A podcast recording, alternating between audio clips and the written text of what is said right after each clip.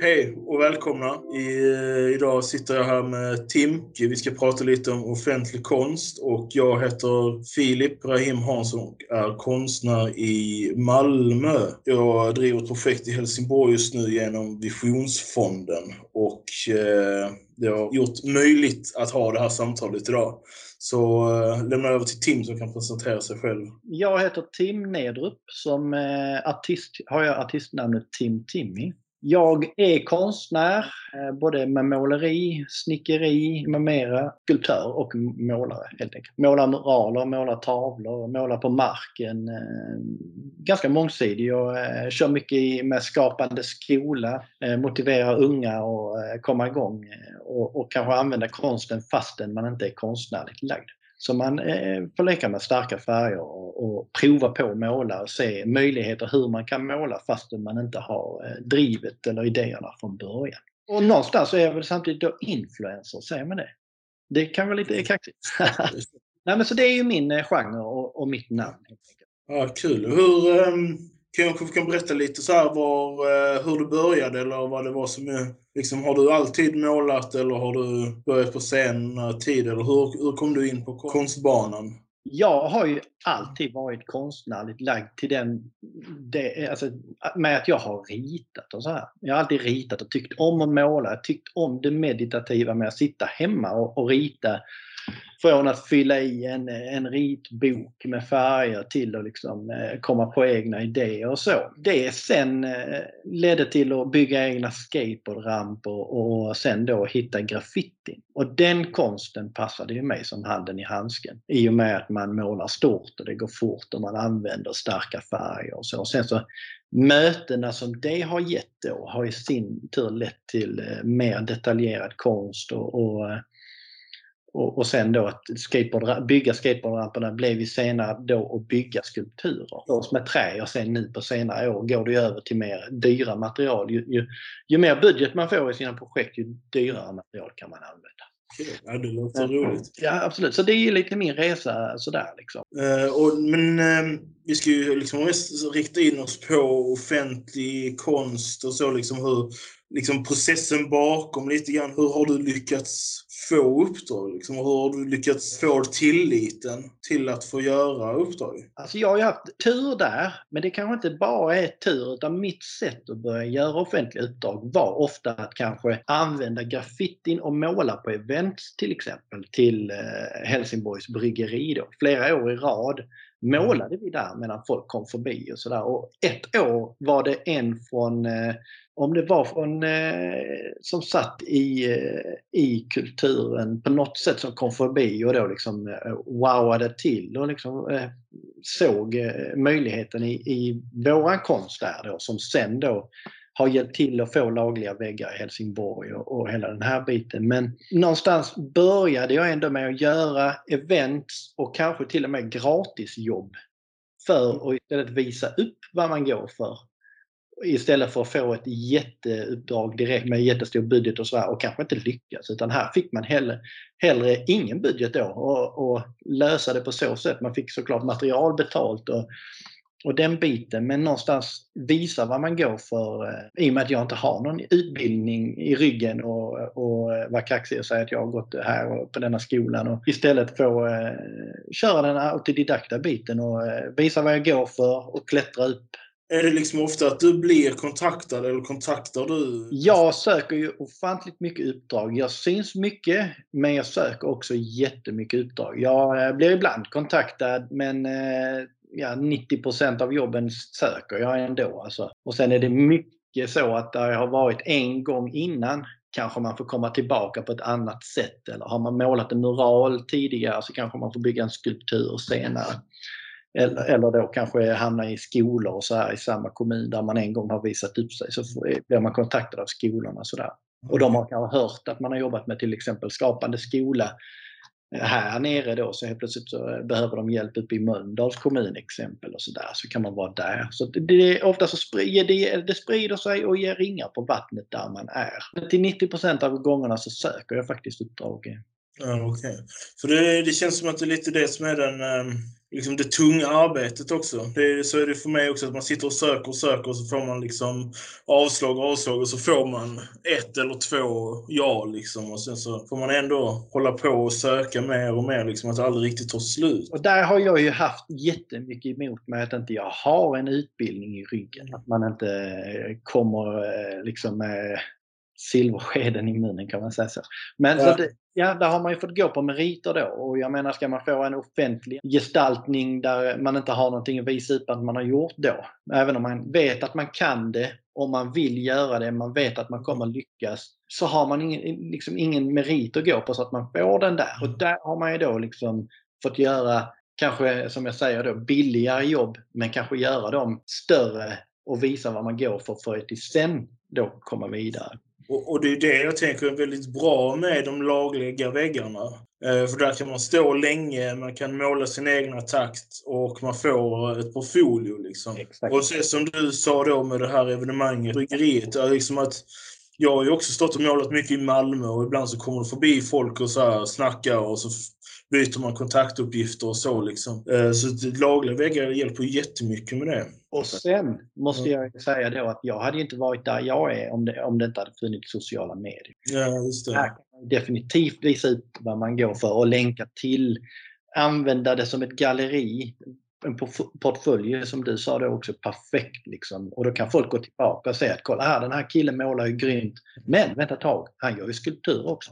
Det, det är ju jättebra för oss som eh, liksom inte har... Eh, att man visar att man inte, att inte bara man kommer från någonstans hipp som happ. Utan man, men det är liksom, man är seriös, man har på flera år. Liksom, gör ju också en... Ja, samtidigt kan det vara bra med en ny, ung eh, konstnär som mm. kanske inte är i sin box än, eller vad man ska säga. Utan mm. kommer in nytt driv och, och, och, och, gör det som andra inte skulle ha gjort. Det kanske inte blir en klassisk bronsskulptur för att någon inte är inkörd i de här ramarna. Liksom. Utan här kommer någon ny som helt plötsligt bygger i något helt annat material eller gör någonting helt nytt. Så att det behöver inte bara vara bra att man har en lång karriär. Jag tycker det kan vara gött med ett eh, nytt ungt driv som, som tänker annorlunda. Ja, det är skönt, men det kan också bli lite trött på det. Typ att ibland så känns det som att inte kommunen och sånt liksom riktigt vågar lita på en. Vågar lita på ett nytt uttryck utan de vill ha ett säkert kort. Liksom. De är också rädda för, det är inte lätt att jobba med offentlig konst. Då, du blir alltid dömd av alla. Och man skapar inte alltid allting som alla tycker om. Du har inte alltid kanske neutrala färger och sådär. Tvärtom kanske man använder starka färger då som, som både du och jag använder och det är inte heller lätt för alla att acceptera. Har, har du känt på det någon gång, liksom, att du blivit ifrågasatt? Jo, men det blir man hela, hela tiden.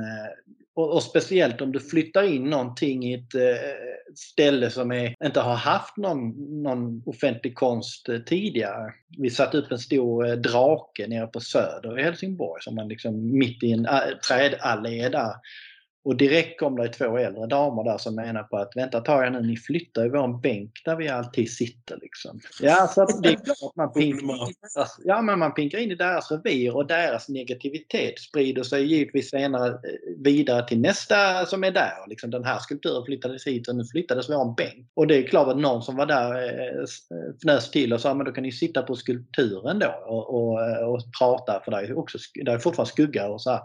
Men de, blev, eh, de tog ju jätteilla vid sig och då är det klart att helt plötsligt så inser man liksom att visst, det jag gör här gynnar ju barn och ungdomar som kan köra kickbikes och skateboard och cykla på den här skulpturen. Men eh, de här äldre damerna som hade haft sin bänk där alltid, de eh, blev ju åsidosatta. Så det är ju jätteofta man hamnar i sådana här grejer. Liksom. Men när du liksom då ska placera en, eller få liksom ett uppdrag eller så, hur, eh, hur mycket tänker du på platsen runt omkring och hur mycket tänker du liksom på att på motiv och så liksom förhållande till platsen? Förr anpassade man sig jättemycket efter det här som du säger. Eh, man ville ha med någonting från omgivningen i moralmålningen. Man ville kanske bygga en skulptur efter en efterfrågan. Men ju fler sådana här jobb man gör, ju jobbigare blir det för huvudet att någonstans anpassa sig hela tiden. Man har kanske idéer man vill använda men så kan man inte använda dem för att man har valt att anpassa sig efter vad andra vill hela tiden. Då. Så det, det kan lite knäcka ens kreativitet och använda det för mycket. Men ibland gör jag det. Jag har gjort en mural i Ängelholm där vi använde alla gatunamnen i området det var fågelnamn då. Så det passade i min stil med djur då. Så kunde vi bygga ett torn av massa fåglar. Så i det fallet fungerade det men eh, hade det då varit eh, massa namn av någonting annat så hade det inte riktigt gått att bygga in i min konst kanske. Så det är också farligt att göra det på ett ställe för då tror nästa ställe att man kan göra det där också. Så hela tiden försöka kringgå det genom att använda sin typ av eh, konst för att anpassa sig efter deras önskemål. Men man får inte heller göra det för mycket för att man ska få ha sin konstnärliga frihet och du ska våga gå eh, vilt fram och göra någonting helt nytt. Så ja, men det gör också att man ibland stöter på patrull där med, med, att alla inte tycker om det. Alla tycker inte om starka färger, alla vill inte ha eh, svartvitt. Alla, alltså, man kan inte vara alla till lags. Men samtidigt så går ju den här skulpturen man sätter på plats och flytta och kanske oftast de projekten jag har varit med i temporära projekt då. Att man kanske går in, eh, som med den här draken jag gjorde, satte 18 månader på det projektet. Nu står den kvar tre år senare i och för sig, men från början bara satt till 18 månader, sen skulle den plockas bort igen. Men hur ser du på det att den får stå kvar? Det är ju naturligtvis kul att den får stå kvar men samtidigt har du väl fått betalt eller fått en budget för att den ska stå där i 18 månader då? Liksom. Den ger mig också lite poäng på min bildupphovsrätt då och få eh, en viss summa per år för mina offentliga uppdrag jag har ute i, ute i landet. Så att någonstans, den, den ger mig ändå eh, ganska så eh, bra med poäng där. Så att den, att den står kvar där, att, att jag har fått betalt det, den eh, tickar fortfarande ändå pengar på det sättet. Ja, jag vet inte hur sånt funkar faktiskt. Nej, och det gör inte jag heller. Det är andra året jag söker det i år. Och jag ångrar lite för att jag har haft jättemånga både väggar och, och skulpturer ute i eh, vårt avlånga land och inte fått en krona för det. Då. Men eh, det är ett tak på hur mycket man kan få så att hur mycket du än har, du får inte mer för det utan till sist uppnår du kanske taket på summan man får. Men det är ändå lite pengar per år. Det är en sak att tänka på också för eh, andra. Liksom. Det är bara in och googla bildupphovsrätt där så ser man exakt var, när och hur man eh, söker. Och vissa skulpturer till exempel eh, ger ju mer poäng än andra.